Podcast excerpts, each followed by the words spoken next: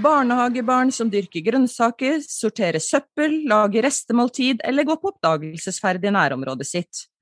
Å lære bort om natur til barn og få barna til å bli glade i naturen og omgivelsene sine kan også bety at de lærer hvordan de er en del av et fellesskap der vi alle sammen bærer et ansvar for å begrense våre klimaavtrykk. Men hvordan kan man lære bort om klima og miljø på en slik måte at det blir morsomt for barna, og ikke bare moralsk eller kjedelig? Ja, dette er ting vi skal snakke om i denne episoden. Velkommen, navnet mitt er Vigdis Salver. Og navnet mitt er Marianne Olsen Brøndtveit. I rammeplanen for barnehagen så står det blant annet at barnehagen skal bidra til at barna opplever tilhørighet til naturen. Og det er liten tvil om at små barn tassende langs en skogsti gir et strålende utgangspunkt for nettopp dette. Men det krever planlegging, årsplaner og en bevissthet fra pedagogene som skal gå side om side med de små langs stiene og fjæresteinene. Og andre barn har jo også mest asfalt rundt sin barnehage, som kan gi andre muligheter.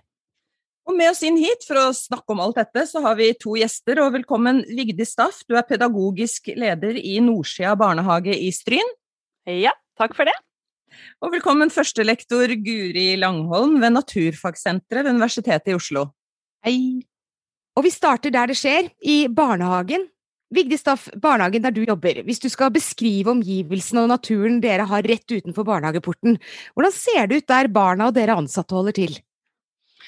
Rett utenfor barnehagen her så har vi et fantastisk område. Vi har jo en eh, samlokalasjon med skolen, så vi deler jo vanligvis området med skolen vår. Så her har vi eh, basketbane, her har vi kunstgressbane, vi har klatretårn. Vi har ei elv, vi har masse bakker, vi har tre, og vi har skog, og vi har eh, ja, litt asfalt å sykle på, akkurat innenfor porten. Men hvordan bruker dere dette området rundt dere sammen med barna? Ja, vi er jo mye ute. Eh, men vi har også et område utenfor barnehageporten, og det er vel der jeg er mest opptatt av at vi ofte kommer oss utenfor porten. For der har vi jo tilgang både på sjøen og på fjell og på eh, alle de områdene som er oppe i skogen, og vi har en egen gapahuk som vi kan få lov til å disponere. Mm. Og dere var jo sammen med Nordsjøa skole en av tre vinnere av klimaprisen fra Utdanningsforbundet i 2020. Og der ble det jo trukket fram denne helhetlige tanken dere har rundt arbeidet deres. Hvordan legger det opp hverdagen slik at dere får til dette og utnytter dette området som du har beskrevet for oss nå? Ja, For det første så har vi eh, en enighet blant oss personale på at det er viktig å være ute. Og det er ingenting du ikke kan lære ute, tenker jeg. Og det at ungene skal lære seg å være ute og bli glad i naturen, det vil jo naturligvis være sånn at de lærer seg å, å ønske å ta vare på naturen. Og det er jo det vi er litt opptatt av òg, at det du, det du, blir glad i, det lærer du deg å ta vare på. Så har vi planene våre. Vi har årsplaner som vi har eh, forankra i dette med å, um, å være ute, og med alt det fører med seg. Ja, Guri Langholm, som vi hører her, så er nordsida svært heldig med beliggenheten sin. Og hvis du skulle plukke ut noe av det Staff forteller om, eh, som tips til f.eks. en bybarnehage, som de mm. kan dra inn i sine omgivelser og jobbe med, hva kan det være? Jeg tror hun er inne på to ting, nemlig det at eh, personalet er enig.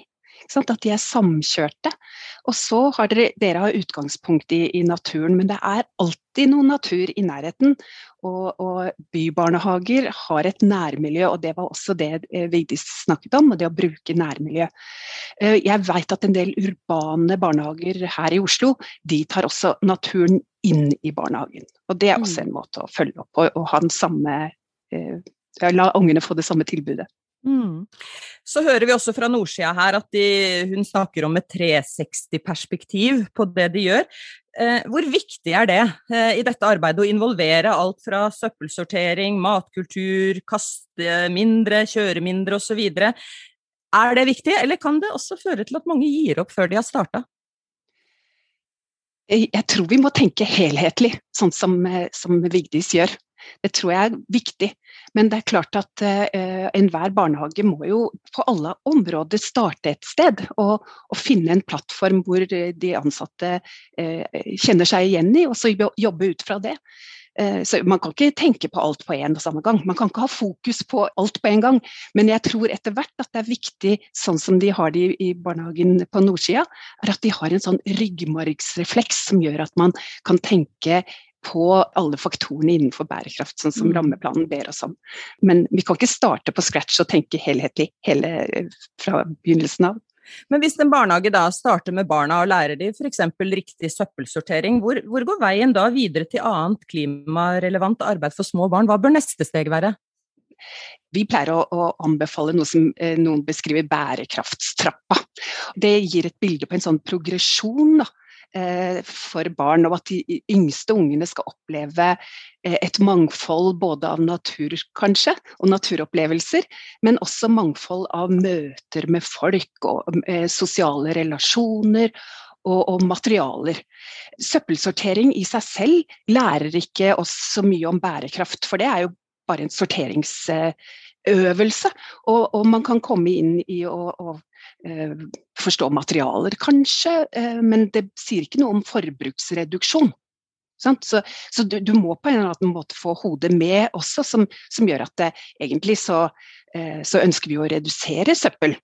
Mm. Vi, vi, eh, hvis foreldrene kommer lastende inn med masse søppel og vi blir glad for det, så, så lærer vi ikke noe om forbruksreduksjon. Og det er jo det vi kanskje er ute etter. Mm. Og dette med bærekraftig utvikling, eh, det står jo nevnt i, i rammeplanen. Og, og, det kan jo være et vanskelig begrep, men hvor, hva er gode ideer for å konkretisere dette for barnehagebarn?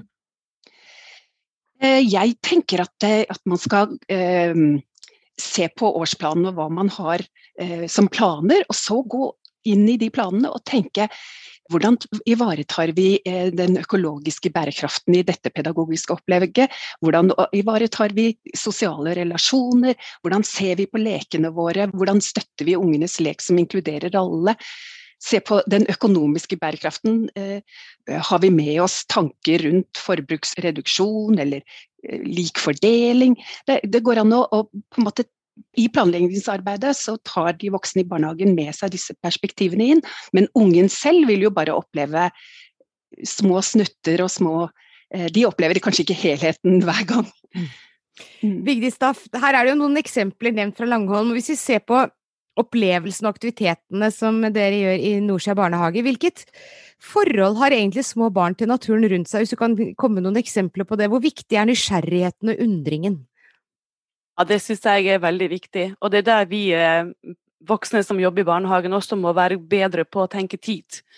At eh, vi voksne kanskje har eh, målet vårt med turen det at vi skal komme til Gapahuken f.eks.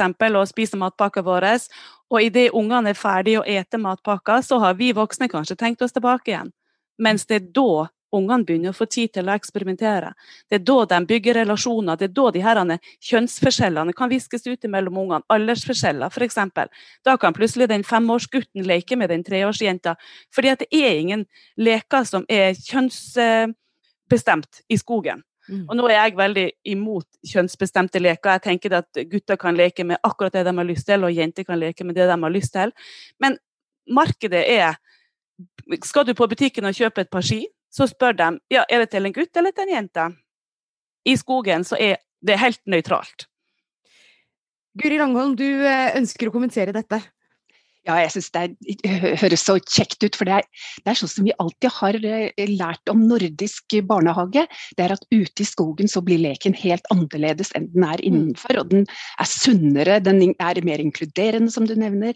Og så blir den, stimulerer den til fantasi, fordi at du finner så mye materiale som du er nødt til å finne, lage historier rundt, og leken blir fri. Og Det er det mange som refererer til nå i koronatiden, når, eh, når man har hatt disse kohortene. Eh, noe bra har kommet ut av dette, nemlig en fri lek som har fått vedvare, og som kanskje har vært utendørs. Mm. Vigdis Staff, hvis, hvis, vi griper videre disse eksemplene som vi også snakket om naturopplevelser og bærekraft, hvordan oppleves disse temaene for barna i barnehagen hvor du jobber? Altså, Ungene våre er veldig engasjerte. Eh, og jeg tenker det, som det var nevnt tidligere her i, i stad, at dette med at bærekraftordet er et litt vanskelig og komplekst ord. Men ungene elsker jo språk. De elsker jo å utforske og forstå og på en måte eh, bryte ned ordene. og sånn. Så vi, vi, snakker om bærekraft med ungene våre, spesielt med de eldste, da, tre- til seksåringene. Eh, og forteller litt hva bærekraft betyr, og er opptatt av at, at, de som kommer etter oss, skal ha det like fint som vi har det. De har ikke lov å klatre i plommetrærne, f.eks. De har ikke lov å klatre i epletrærne her i barnehagen. Det har vi andre klatretrær til. Og det vet ungene, at de kan ikke klatre i de trærne, fordi at de skal på en måte bære frukter til alle de andre i barnehagen som kommer etter at de er begynt på skolen. Mm. Men hva har det å si da at barna også opplever mestring og ser resultater av det de gjør i dette? Det er jo hele motivasjonen bak prosjektet. Altså motivasjonen til å drive, til å fortsette og til å forstå. Eh, for bærekraft kan jo være litt tungt, og det kan jo være litt demotiverende når man ser ut i verden. Men det å skjønne at, at jeg har en betydning, det jeg gjør har en betydning, og det jeg tenker har en betydning. Og det ønsker jo vi at ungene våre òg skal forstå. Jeg bruker å sammenligne ungene mine i barnehagen med at de er en puslespillbrikke. Og hvordan ser et puslespill ut hvis det mangler en brikke? Og hva svarer de da, når du bruker det bildet? Ja, nei, Da svarer de jo at det blir jo ikke ferdig. Det blir jo ikke fint. sånn at det tenker jeg, det er litt viktig å forstå at, at ungene i barnehagen er en viktig brikke i barnehagen. Men også at vi, i, vi på Nordsida da er en brikke i Stryn sitt prosjekt, og at Stryn kommune er en brikke i det nasjonale puslespillet. Så at det har en betydning i hva du gjør og hva du tenker, selv om du er bare én person. Ja, det syns jeg er godt det, det, jeg hører. For det mange forskere trekker fram, det er jo dette med å, aksjoner. Altså at, at, at vi skal eh, fremme mestringsglede hos ungene, og at de skal kunne handle. Og være handlende i riktig retning. Og kanskje også da samhandlende, som du er inne på. Det å jobbe sammen med andre, både lokalt og globalt, mm. for bærekraftsperspektivet. Mm. Hvis vi da skal se på veien videre, Staff, for at nå er det på mange måter en naturlig sammenheng ved at dere både er en barnehage og skole på nordsida. Mm. Men hvordan jobber dere med denne tematikken på veien videre da fra barnehage til skole? Hvordan sikrer dere en sammenheng? Der er jo vi heldige siden vi er et oppvekstsenter og at vi har felles bygning og vi har felles uteområde og vi har felles skog. Og vi har eh, også personale som jobber både i skolen og i barnehagen. Men jeg har tenkt litt på akkurat det i forhold til der ungene er ferdig i barnehagen og skal ut av på en annen skole, hvordan du da skal sikre at, eh, at ungene får dette med seg videre. Og da tenker jeg, Det må jo være litt opp til ledelsen. Eh, sånn som her hos oss, så har jo nå i år Stryn kommune løfta opp det her med, med bærekraft, og hadde på tema, sånn at det er inngått et samarbeid både med næringslivet og med, med videregående. Og alle barnehager har bærekraft på tapetet i år. Det vil jo si at alle barnehager og alle skoler hos oss har ulike grad om bærekraftig utvikling. Vi har drevet med dette i mange år, helt ifra sånn som du var inne på i stad, Guri, med at du kan ikke begynne, begynne helhetlig. Vi har begynt i de små og bygga oss opp i løpet av mange år. Sånn at eh, jeg tenker at ledelsen må, må ta på banen for å få bærekraft på plan. Ja, Langholm, hvordan kan man forhindre at dette temaet ikke blir håndtert slik at det blir for skolsk? Du er jo også lærebokforfatter, eh, og hvor, vil du si at skillelinjene her går? Eh, det som skjer i barnehagen er jo at medvirkning ligger naturlig inne i arbeidsmåtene.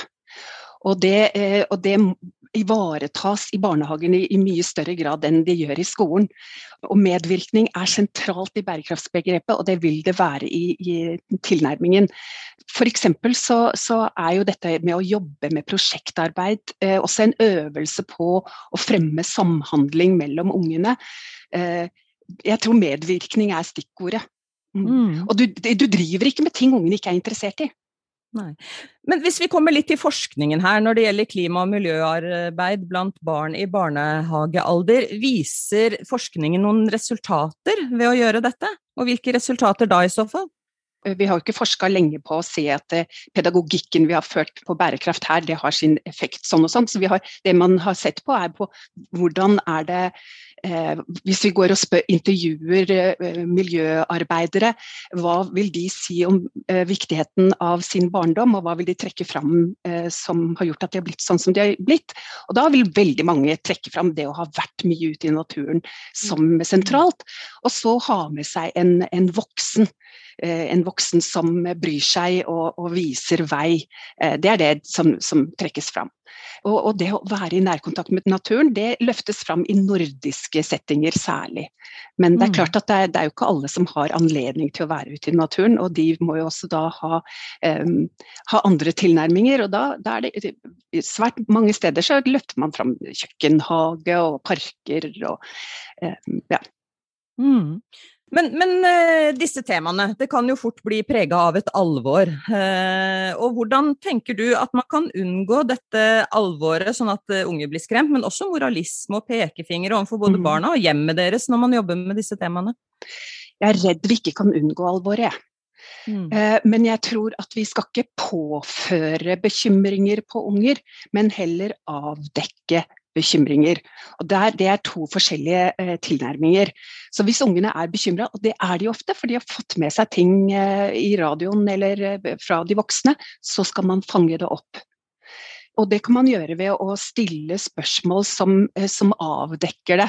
Eh, F.eks. så gjorde de i Australia så stilte de spørsmål hvordan ser dere på naturen om, eller på verden om fem år? Og Det var et veldig åpent spørsmål, og da kommer det fram da igjen de var bekymra for koalaene.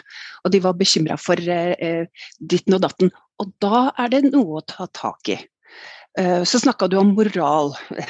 Mm. Eh, eh, vi må jo tenke moral, for det er en del av det. Men det er ikke å være moralistiske, for det hjelper antageligvis ikke. Men det er litt sånn, sånn som Vigdis var inne på, det der med å begrunne ting i forkant. Vi lar disse trærne stå i. Vi kan ikke slå på, på, på, på tre eller klatre på akkurat dette treet, for det er for sårbart. Det trenger å stå i fred. Så gjør man det i forkant. Mm. Uh, og så kan man si også, uh, istedenfor å si kan, Skal vi heller ta, ta en halv brødskive? Eh, så, og kjenne etter om du er mett, istedenfor eh, så slipper vi å kaste. Istedenfor å tvinge brødskivene inn i ungene fordi at er, vi vil ikke kaste mat. Ja, Vigdis Staff, du vil kommentere det? Ja, akkurat det som går på maten. da, for Vi har jo en veldig god kultur på akkurat det. For vi har jo selvfølgelig fuglebretter, sånn at det, det tørre brødet det går rett ut til fuglene. Eh, fugler er også et tema som vi ønsker å følge veldig mye. Men jeg tenker vi, vi lager jo mye mat her. Vi har jo egen kjøkkenhage, så vi dyrker jo masse grønnsaker og bær og og sånn sjøl. Og eh, ungene er med på hele prosessen. Med på å dyrke, med på å luke ugress, med på å hente inn. Det er jo ingenting som er så godt som å sette seg på grønnsakskassen og dra opp ei gulrot og knaske på med en gang. Men også i forhold til matlagingsprosessen etterpå. Med inn på kjøkkenet, med på å skjære opp gulrøtter, lage suppe og ete. Og det å lage for mye mat, det gjør vi jo ganske ofte i barnehagen. Sånn at vi er bevisst på å bruke ordet rester når vi bruker dagen etterpå, så varmer vi opp rester for at vi skal ha restemat som kul mat. Det er ikke noe man kaster.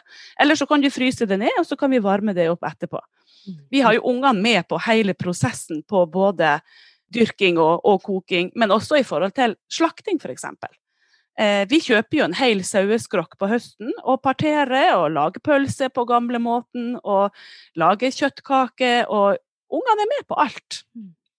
Ja, Langholm, dette ønsker ja, du å kommentere. Nå, dette må jeg jo bare kommentere, for dette er jo kjempeflott. Eh, det, for det, det, ungene får oppleve her, det er jo verdien av arbeidet, rett og slett.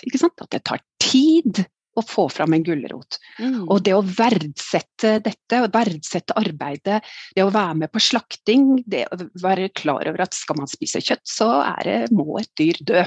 Sånn mm. er det. Eh, så jeg, jeg syns dette høres veldig bra ut. Men, jeg, men, som du var inne på Vigdis tidligere i dag, det er ikke alle barnehager som har anledning til dette. Men jeg syns det hadde vært fint om de fleste barnehager får høste noe som, eh, som de kan spise, enten i skog eller i egen kjøkkenhage. Og helst så mye at man blir mett i magen. Eh, De som ikke får det i Oslo, de bør kunne bruke For, for Oslo er eh, et, et, som et eksempel på en by som eh, Men dette er sikkert overførbart i, i de andre storbyene. Finne en sånn skolehage. Og i Oslo har vi Geitmyra skolehage. Der går det an å komme og se på prosessen og, og få erfaring. Og noen barnehager har parseller der òg. Så det går også. Men Staff, det, det, du snakker om her er også veldig mye som er overførbart til hjemmet. Um, hva tenker dere om hvor avgjørende det er, eller ikke at hjemmet også følger opp barnehagens klimaarbeid? Ja, så tenker jeg at eh, Vi bor i ei lita bygd, og mange her er bønder, småbrukere. Er opptatt av klima og miljø, og, og eh, jobber litt på samme måte som det vi gjør i barnehagen. Vi er jo som sagt ei lita bygd, og mange, alle kjenner alle, og vi, vi, har det ganske trygt og godt. Og jeg opplever at foreldrene våre er veldig positive til det vi driver med. Vi har jo vi i barnehagen hos oss driver f.eks. med bokashi, som er kompostering, og lager egen blomsterjord til den hemmelige hagen vår ut av matavfallet. Det er det jo òg noen foreldre som driver med. Vi har foreldre som er um, utdanna innen økologi og, og, er veldig opptatt av det vi gjør i barnehagen. Mm. Men, men, en annen side da, Du snakket jo innledningsvis også her om de ansatte, dette var noe dere alle var enige om, og hvor viktig det var. Men hvor viktig er de voksne da som rollemodeller i, i dette? Hva kan du si om det? Og vi er veldig viktige. Eh, altså bare det at vi viser engasjement og interesse for å være med og for, at, for, å forske og for å finne ut av ting og tang.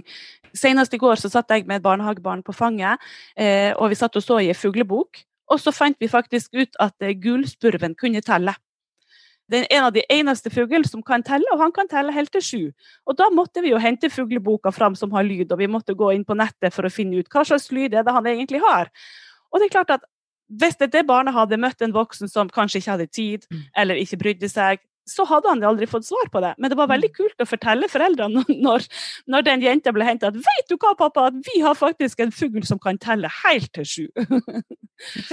Ja, Guri Langholm, eh, du jobber jo også med Forskerfrø, som er barnehagesatsingen til eh, Naturfagsenteret. Hvor det handler nettopp om å gjøre de minste til undrende og utforskende, sånn som vi hører Vigdis Staff fortelle her fra nordsida, og som eh, vi har snakket mye om i episoden. Hvordan det henger sammen med både klima og bærekraft og lignende. Men hva tenker du om forholdet mellom handlinger og holdninger? Har barnehagen en sånn spesielt viktig rolle her, tenker du? Ja, det kan man tenke seg. Eh, fordi at eh, altså Mange tenker sånn at får du gode holdninger, så handler du bedre etter hvert. Det er ikke noe obligatorisk automatikk i dette. Så må, det å få inn gode vaner, det er fornuftig.